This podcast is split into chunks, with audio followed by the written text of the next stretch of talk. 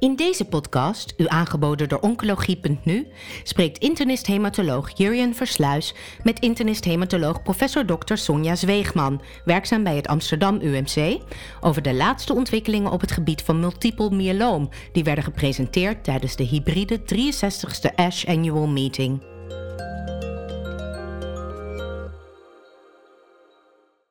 Nou, Sonja, welkom bij deze podcast over de hoogtepunten op het gebied van multiple myeloom eh, van ASH 2021 in Atlanta. Er is ontzettend veel nieuws getoond op het gebied van multiple myeloom tijdens deze ASH. En voordat we al die studies gaan bespreken, wil ik jou gewoon algemeen vragen, wat, wat waren voor jou de hoogtepunten? Nou, Jurjen, eh, dank. Ja, je hebt inderdaad helemaal gelijk. Er was weer veel uh, multiple myeloom.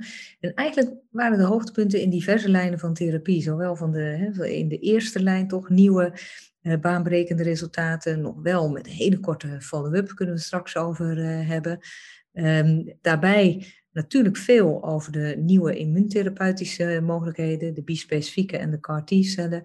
En uh, ook de ja, middelen met een ander mechanism of action, zoals dat zo mooi wordt gezegd, nieuwe zaken. Ik denk een van de belangrijke dingen die steeds meer zichtbaar worden, is dat er echt een, een paradigmaverandering uh, aan het optreden is. Wat je nou vroeger zag, is dat als patiënten latere lijnen van therapie kregen, dat hun uh, respons zo rond de 20, 30 procent uh, was mediane progressievrije overleving ten opzichte van de standaardarm, die dan vaak dexamethason was, ja, die ging na een paar maanden, drie, vier uh, maanden.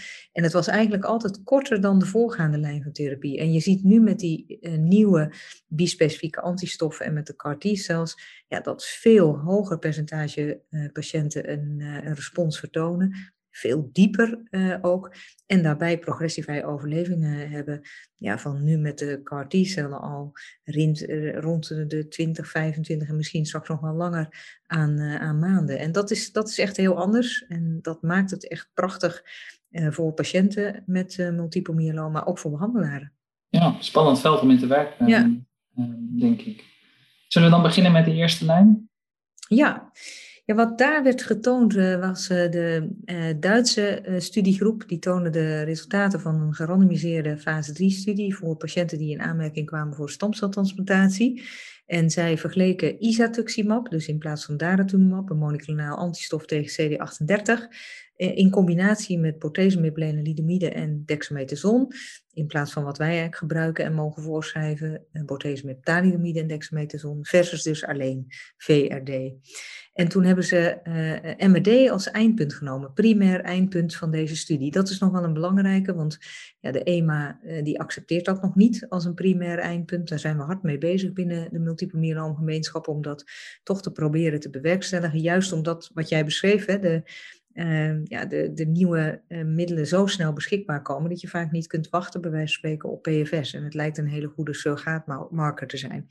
Maar goed, MRD na inductietherapie. Ja. En wat je nu zag is dat MRD en dan uh, 10 tot de min vijfde, dat wordt binnen multiple myeloom als zijnde de grens genomen die nu het meest gebruikt wordt. Er was ongeveer 50% van de mensen bereikte daarmee een MRD-negativiteit met ISA ehm, VRD en dat was maar 36% in uh, de VRD-arm. Nou, dat was dus al heel uh, verschillend. Um, maar dat is heel erg bijzonder als je dat vergelijkt bijvoorbeeld met onze Cassiopeia-studie. Want daar hebben ze ook gekeken naar MRD-negativiteit. Ja, en daar is dat uh, ongeveer en rond de 60% en ook in de Griffin trial, waarin DARA VRD werd uh, gebruikt. Nou is het wel zo dat, um, ja, we weten dus niet wat het in die studies was naar inductie. Maar dit lijkt toch wel vrij hoog na inductie alleen. En ze hebben in de Griffin en de Cassiopeia trial alleen gekeken bij mensen die een complete remissie hadden. En in deze studie ja, deden ze dat bij iedereen. En het gekke was zelfs dat ze helemaal geen verschil in complete remissie zagen na inductie. En zou de methode van, uh, want het viel mij op dat ze Next Generation um, flow cytometrie gebruikten. Ja. Dat was voor mij een, uh, een, nieuw begrip. Ik vroeg me af, geeft dat nog een, geeft dat een diepere meting? Of hoe is dat anders van de flow die we nu gebruiken? Weet je dat? Nou, die, die Next Generation Sequencing, die is bijvoorbeeld in de Cassiopeia gebruikt. Eh, maar Next Generation Flow hebben wij ook eigenlijk heel veel gebruikt. Die twee zijn niet helemaal uh, vergelijkbaar. Eh, maar ik denk niet dat dat het hele grote verschil is, want het is niet zo dat je met Next Generation Flow nou opeens een log verschil gaat uitmaken in vergelijking met de next generation sequencing. Wat ik nog dacht, maar dat is denk ik niet het geval, dat die complete remissies zo hetzelfde waren. Als je isatuximab geeft, dan net zoals daratumumab interfereert dat bij de aantonen van complete remissie, omdat het natuurlijk ook gewoon een IgG monoclonaal antistof is, maar ze hebben de goede techniek daarvoor uh, gebruikt. Dus het zou wel eens kunnen, maar het is veel te vroeg om te zeggen, maar dat isatuximab misschien nog effectiever is dan daratumumab, maar dat moeten we gaan afwachten. In ieder geval een mooie uh, studie. En hoe vond je de toxiciteit van deze behandeling? Was dat nog opvallend? Nou, wat met name opviel, dat is niet zozeer voor de patiënt, maar misschien wel voor het oogsten van de stamcellen. Uh, je ziet uh, dat het toch wat meer BMR-depressief is. En dat zagen wij ook al bij de Cassiopeia-trial, dat je wat vaker plerixafor moet gebruiken. En de uh, Hartmut Goldschmidt, die, die zei het eigenlijk niet. Ik denk, ik, jij hebt het ook gekeken, hè? hij, ja, hij draait een beetje omheen. Hè? Ja. Maar jij voelde denk ik ook hè, dat hij zei ja. dat het meer nodig was. Hè? Ja. Of hij wist het, hij wist het echt niet, of hij um, maakte het geheimzinnig. Dat zal blijken in het paper ja, je ziet wat meer neutropenie en uh, dat, dat uh, je moet dus goed op infecties uh, letten. En wat nog belangrijk is in deze studie, Jurgen, is dat er komt nog een randomisatie tussen lenalidomide en dan isa-lenalidomide. En in de Cassiopeia was het natuurlijk versus een placebo. Dat kwam omdat er toen nog geen lenalidomide als geïndiceerde therapie, als onderhoudstherapie beschikbaar was. Dus dat gaat ons ook echt wel wat leren of, ja. of van toegevoegde waarde is. Ja. Nou, deze trial zal vast nog, nog op meerdere momenten besproken worden in ja. de toekomst. Um, dan uh, denk ik dat we het even over de Optimum trial moeten hebben. Ja, ja dat is... Heel mooi design. Ja, ja, jij moet misschien iets vertellen over de Bayesiaanse modelingen. Uh, kun je dat in, in twee zinnen doen? Want dat wordt gebruikt bij deze studie en dat is ja. jouw expertise, Jurgen. Dus dat ja. laat ik aan jou. Um, nou ja, um, ik, zal, ik dan nog. Het was een studie die voor de ultra-high-risk patiënten uh, was, multiple myeloom patiënten, en die, dat definieerden ze als high-risk cytogenetica of een um, uh, genexpressieprofiel of een plasmacelleukemie. En dat is natuurlijk een, een, patiëntengroep, denk ik, die, en dat kan jij veel beter zeggen, uh, die niet altijd goed in trials vertegenwoordigd is, of maar voor een klein deel in, in trials vertegenwoordigd is. Wat ze heel elegant deden was um, vanuit een eerdere um, specifiek die patiëntengroep uh, gefilterd hebben um, en die huidige therapie die, zij, die, die jij zo gaat noemen, hebben vergeleken met die oude trial een Bayesiaanse methode. Wat betekent dat je de voorafkant, de prior zoals we dat noemen, van die oude studie gebruikt om het succes van je nieuwe behandelstrategie te vergelijken. Ja, ik, ik denk dat het een heel mooi design is, want een gerandomiseerde studie maken voor hoogrisicopatiënten, dat is het probleem een stuk gelukkigerwijs overigens maar dat is toch een, toch een kleinere populatie uh, patiënten. Ze hadden hier trouwens um, de high risk uh, meegenomen uh, in de zin van de hoog risico cytogenetica, waarbij ze iets verder gingen dan wij eigenlijk altijd gingen. Want ze kijken dan niet alleen naar de translocatie 414 uh, en uh, de 1416 en de deletie 17. Maar ze keken ook naar amplificatie 1Q en deletie 1P. Dus dat maakt die groep wat groter. En verder zat er nog wel een Rotterdam stintje aan deze uh, studie. En ik heb natuurlijk ook nog een hart voor Rotterdam, omdat ik daar vandaan kom. Maar de Sky 92 werd gebruikt als risicostratificatie. Dus een genexpressieprofiel echt. En daarmee werd die groep wat groter. Maar dan nog, het zijn relatief kleine groepen. Je moet patiënten uit gaan leggen dat ze hoog risico hebben. Dus een gerandomiseerde studie is lastig. En deze indirecte vergelijking is denk ik iets wat we meer zouden moeten exploreren, ook voor HOVON-studies. Nou, wat zij hebben gedaan in die studie is dat zij een combinatie hebben gemaakt. Ja, dit is wel total therapy in het kwadraat moet ik heel eerlijk uh, zeggen. Zij gaven als inductietherapie uh, daratumumab in combinatie met cyclophosphamide, bortezomib, lenalidomide en dexamethason. Dan uh, vervolgens gaven ze rondom de autologe stamceltransplantatie ook nog bortezomib. Dat is een beetje gebaseerd op een Zweedse studie die ooit gedaan is en daar en wat goede effecten van zag. En vervolgens kregen ze dan nog um, consolidatietherapie. Eerst zes cycli met DARA-VRD, dan twaalf cycli DARA-VR en dan nog onderhoudsbehandeling met DARA-R tot aan progressie. Dus ja, daar kun je eigenlijk niks meer aan toevoegen. Maar wat natuurlijk wel heel uh, mooi was, is dat zij op 18 maanden waren nog 88% van de mensen in remissie. En dat was in die vergelijkende studie 66%. Ik heb in de Cassiopeia nog even gekeken en daar zaten natuurlijk ook gewoon standaard risicopatiënten in. Dat was ongeveer gelijk op 18 maanden, dus 93%. Dus dit doet veel goeds vermoeden voor die echt heel hoog risico uh, patiënten. En dat zijn mensen die normaal gesproken uh, eh, 25% kans hebben om al een relapse te hebben binnen 18 maanden. Dus 25% van de mensen hebben dat dan uh, al. Dus ik vond het een belangrijke studie en misschien wat weinig aandacht aan besteed. Maar echt wel bijzonder wat de Engelsen aan design hebben gedaan. Ja. En vond je de controlearm hier een, een, een verre vergelijking? Ja, de controlearm was, was wel goed, eerlijk gezegd. Kijk, um, het enige is, wij gaven in de inductietherapie gaven ze uh, geen daratumumab. Maar goed, wij hebben natuurlijk ook nog heel veel trials gehad met VTD, dus dat was eigenlijk in deze opzet, hè, de controlearm die wel goed uh, was. Het enige is dat in de controlearm zat natuurlijk ook nog een observatiearm voor hè, geen lenalidomide. En we weten natuurlijk dat lenalidomide onderhoudsbehandeling de progressievrije overleving verlengt van ongeveer 20 naar 40 maanden, soms zelfs 50 maanden. Dus daar zat een, een uh, groep in. Daar gingen ze kort op in, maar ze hebben ook nog wel indirecte vergelijkingen daarmee genomen. En dan nog bleek dit echt heel veel beter eh, te zijn. Ja. Nou, en de toxiciteit was best um, acceptabel als ik het um, abstract mag geloven. Ja. Ondanks dat het zo'n intensief schema was. Ja, en, en je hebt wel eens landen als de toxiciteit beschreven wordt, dat je denkt, nou die mensen kunnen beter tegen toxiciteit dan anderen, maar van de Engelsen kun je dat denk ik toch niet zeggen. Ik weet niet of ik dat zo mag zeggen, maar ik denk dat de toxiciteit gelimiteerd is en dat dat wel uh, lukte. Je bent, de follow-up was natuurlijk relatief nog kort, hè? En um, ja, je bent natuurlijk altijd bang voor klonale evolutie. Hè? Dat, dat op het moment dat je zoveel druk geeft. Aan de andere kant zijn we er altijd bang voor. En tot op heden is het in geen enkele studie vergeleken. Dus het is nooit zo dat als je heel veel therapie geeft in aanvang. Dat dan bijvoorbeeld de tweede progressieve overleving navenant korter wordt. En dat je dan gaat verliezen wat je hebt gewonnen in de eerste lijn. Dus ik, um, nee, ik denk dat dit voor de hoogrisicopatiënten een waardevolle aanvulling is. Als je het nou weer even vergelijkt met de, de, de ISA uh, eh, VOD-studie, die ziet er natuurlijk ook wel goed uit. Hè? Dus misschien dat je dat ook nog zou kunnen toe gaan passen voor de hoge risico. Maar goed, dat weten we nog niet, want die subanalyses zijn er nog niet. Zullen we verder gaan met uh, de niet-transplantatie-eligible patiënten, de HOVON 143, eigen werk?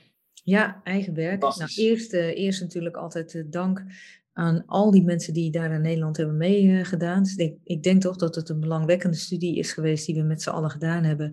Omdat we hebben de, voor de echt kwetsbare patiënten, voor de frail-patiënten, uh, hebben we een uh, studie gedaan. En die is natuurlijk uh, recent in de Journal of Clinical Oncology uh, gepubliceerd. En dat was eigenlijk maar een fase 2 studie, maar dat is gedaan omdat het zo'n nieuw concept is. Namelijk alleen voor frail volgens die INWG een studie maken. Maar we hadden daar ook de niet-fitte patiënten in.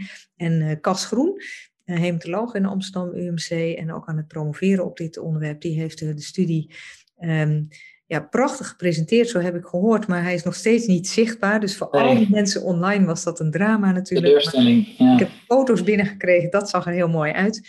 En, en ja, wat we daar hebben gevonden, is, lijkt een beetje op wat we bij Frail hebben gevonden. Dus hele goede response rate.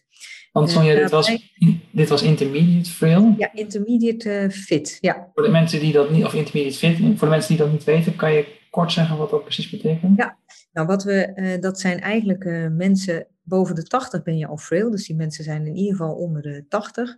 De meeste mensen daarvan die zitten tussen die 76 en de 80. Maar als je jonger bent en comorbiditeiten hebt, of bijvoorbeeld stoornissen in de activiteiten van het dagelijks leven, of de instrumentele activiteiten van het dagelijks leven, nou die doen we heel veel momenteel, want dat is je telefoon bedienen. Uh, dan kun je daarmee ook intermediate fit uh, worden als je jonger dan die leeftijd uh, bent.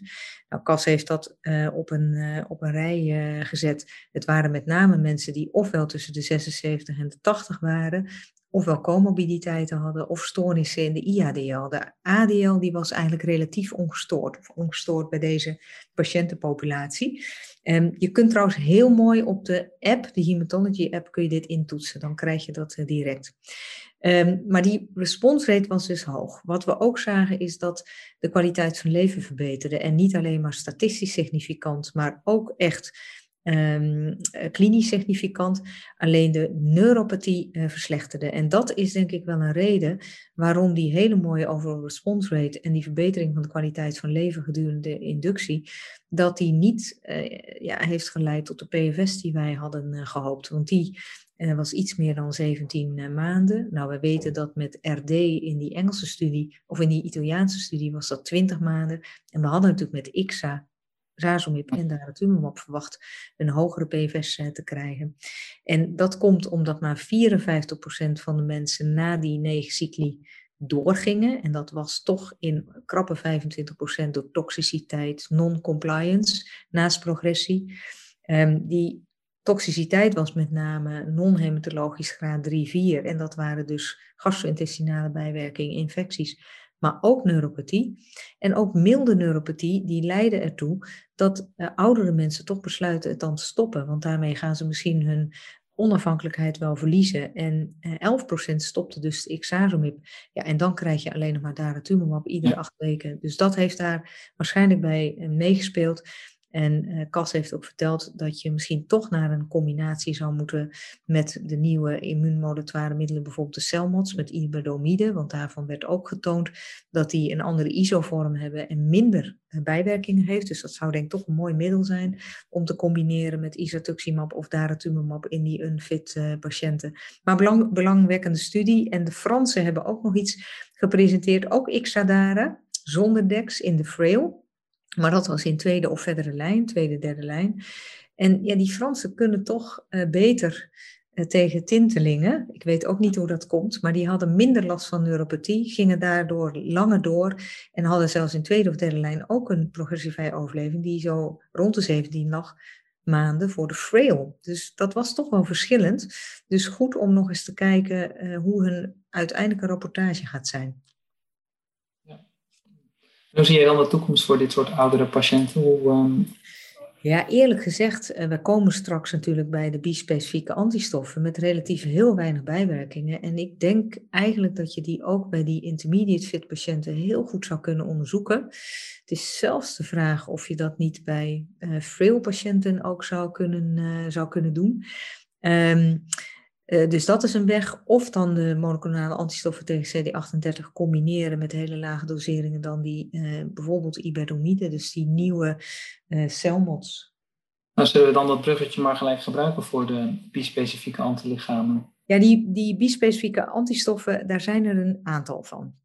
De eerste die natuurlijk onderzocht zijn, zijn uh, aan de ene kant bindend aan BCMA op de maligne plasmacel, anderzijds CD3 op de T-cel, brengt dus de T-cel bij de plasmacel en dat leidt uiteindelijk tot, uh, tot celdood. Um, daar hebben we van de, de Clistamab, de Elrenatamab en daarbij hebben we ook nog iets met een code, dat heeft nog geen naam, dat is de TNB 383b. Eh, en van, van al deze drie de studies werd een update uh, gedaan, waarbij in de teclistamab-studie het nu al om 159 patiënten gaan die echt al op de dosis behandeld worden die nu uh, gebruikt uh, wordt. En um, ook in de TNB 383b-studie ook al meer dan 100 patiënten.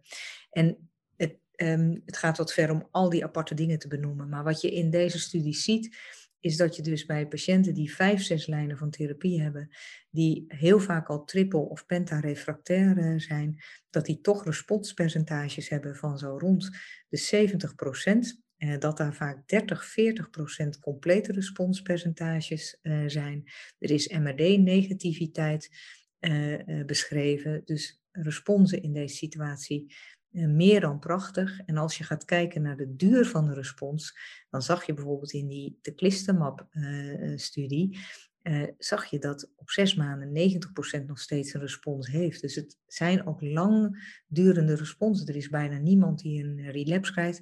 Uh, vannacht waren de presentaties, heb ik nog gevraagd van, goh, als mensen nou een relapse krijgen, weten we dan al waardoor dat komt? Nou, die biologische verklaringen zijn er nog, uh, nog niet.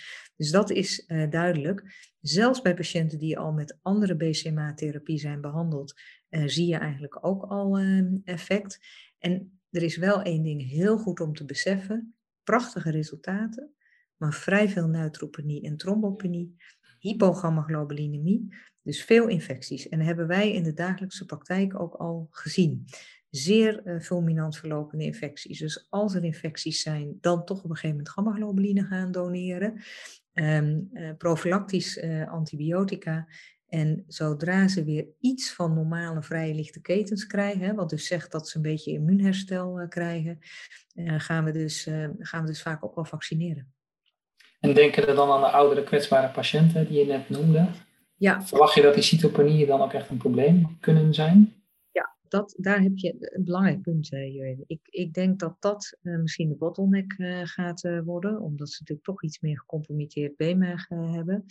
Um, wij geven die mensen ook af en toe gewoon een gift, zeg maar, Nuipogen, dus GCSF. Um, en daarmee zie je dat het toch heel goed verholpen kan worden. Dus dan zul je meer ondersteunende therapie nodig gaan uh, hebben daarin. We weten niet helemaal precies wat het mechanisme is. Waarschijnlijk toch misschien cytokine gemedieerd. En dat is ook de reden dat het vrij snel en makkelijk oplosbaar uh, is. Het is geen stamcelprobleem, um, waarbij je uh, de, de, zeg maar verminderde hematopoïese krijgt.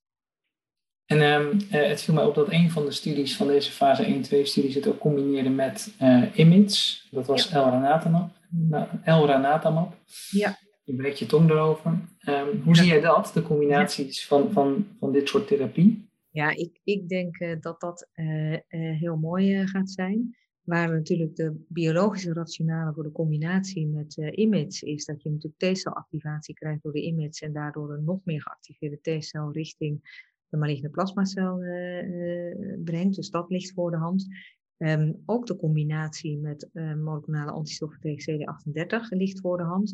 Wij hebben eigenlijk in ons laboratorium gezien dat de T-repertoire T-cellen verminderd zijn en ook een meer actief T-cel-repertoire, waardoor je de effectiviteit van deze middelen verhoogt. Dus die combinaties gaan zeker, worden momenteel eigenlijk al onderzocht. En daarmee ja. zal de effectiviteit nog meer omhoog gaan. En dan heb je een off-the-shelf immuuntherapie. Zullen we het dan ook nog even over CAR T-cellen? Want ik was zelf um, wel onder de indruk van de resultaten van de CAR-T 1. Ja. Kan je daar iets over zeggen? Ja, nee, dat, wat de cartitude 1, dat is de studie die al het langste loopt. En dat is dus bij patiënten die al zeer uitgebreid voorbehandeld zijn. Dus dan heb je het ook over die vijf, zes lijnen voorgaande therapie. Ook in hoge mate triple refractair, een deel van de patiënten pentarefractair. En eigenlijk geldt daar hetzelfde voor als bij deze uh, studie. En namelijk dat je ook weer een heel hoog uh, responspercentage heeft. Dat ligt hoger nog dan deze 60, 70 procent bij de bispecifieke. Dat gaat echt, uh, ja, in het begin, de eerste presentaties waren zelfs 100 procent. Nou, daar is ietsjes van afgegaan.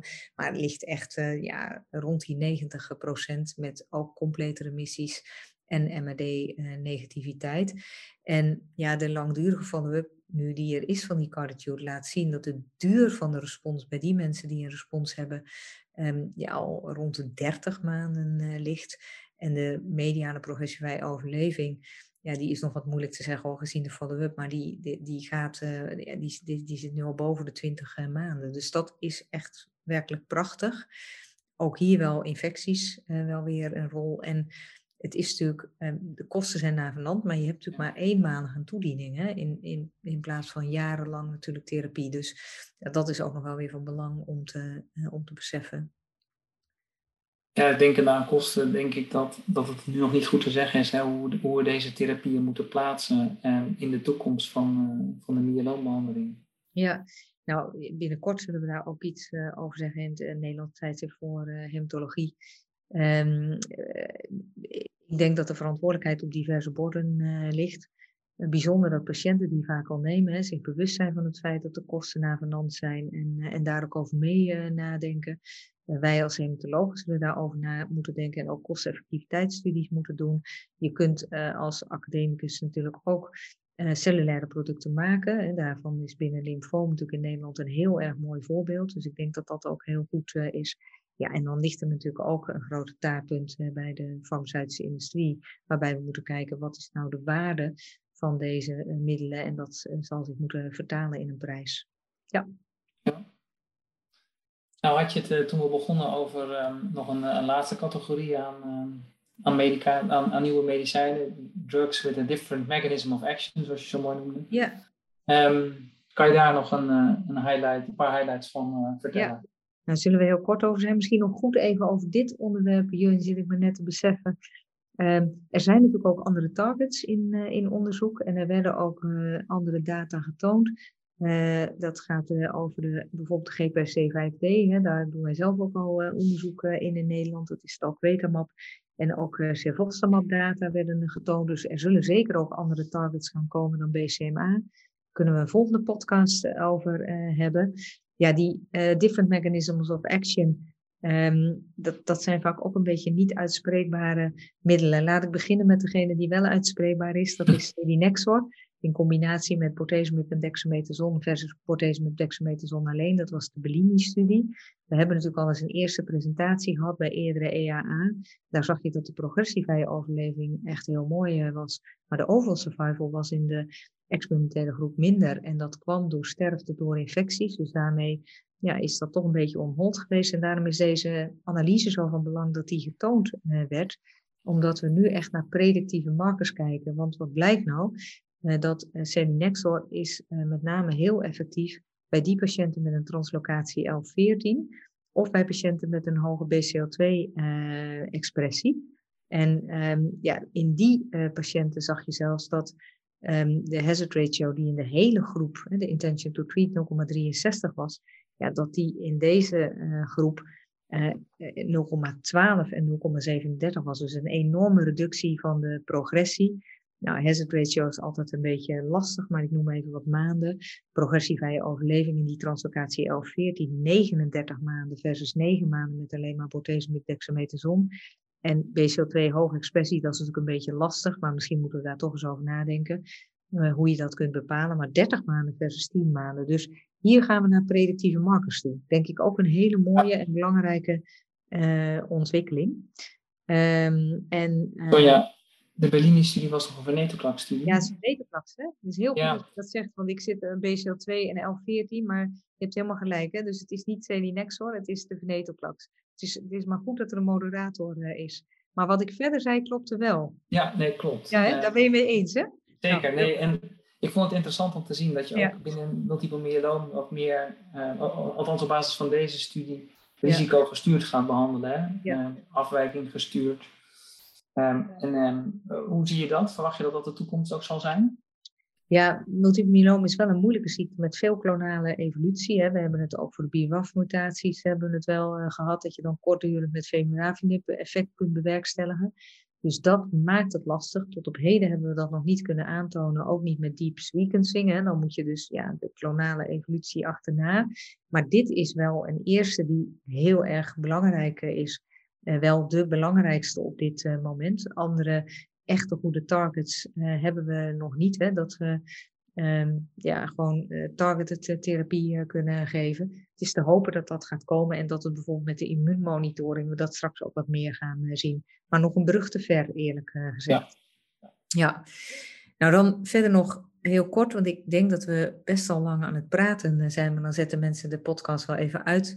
Um, de Dream 5-studie. Uh, um, ja, is een mooie titel. Um, zijn die resultaten nou echt een droom? we hadden het er al even over. Kijk, die, het laat toch een hele uitgebreide uh, patiënten, voorbehandelde patiënteneffect zien. Het is uh, belantemab. En uh, belantamab uh, is eh, BCMA met uh, target, met daaraan natuurlijk een chemotherapeuticum. Um, daarvan zien we dat dat um, in, in de studies die gedaan zijn als monotherapie, dat dat ongeveer 30% respons gaf. En ook weer die vier maanden waar we het net over hadden. Maar nu hadden ze het gecombineerd met veladinimab hoop dat ik het goed uitspreek. En dat is een inducible co-stimulatory T-cell molecule. Hè, dus die geeft ook activatie van T-cellen. En nu zag je 48% respons. Was na vijf lijnen van therapie. Uh, maar ook wel weer de oculaire toxiciteit die bij belantamab wordt gezien, keratitis. Dus dat vereist echt de aanwezigheid en de hulp ook van een uh, oogarts.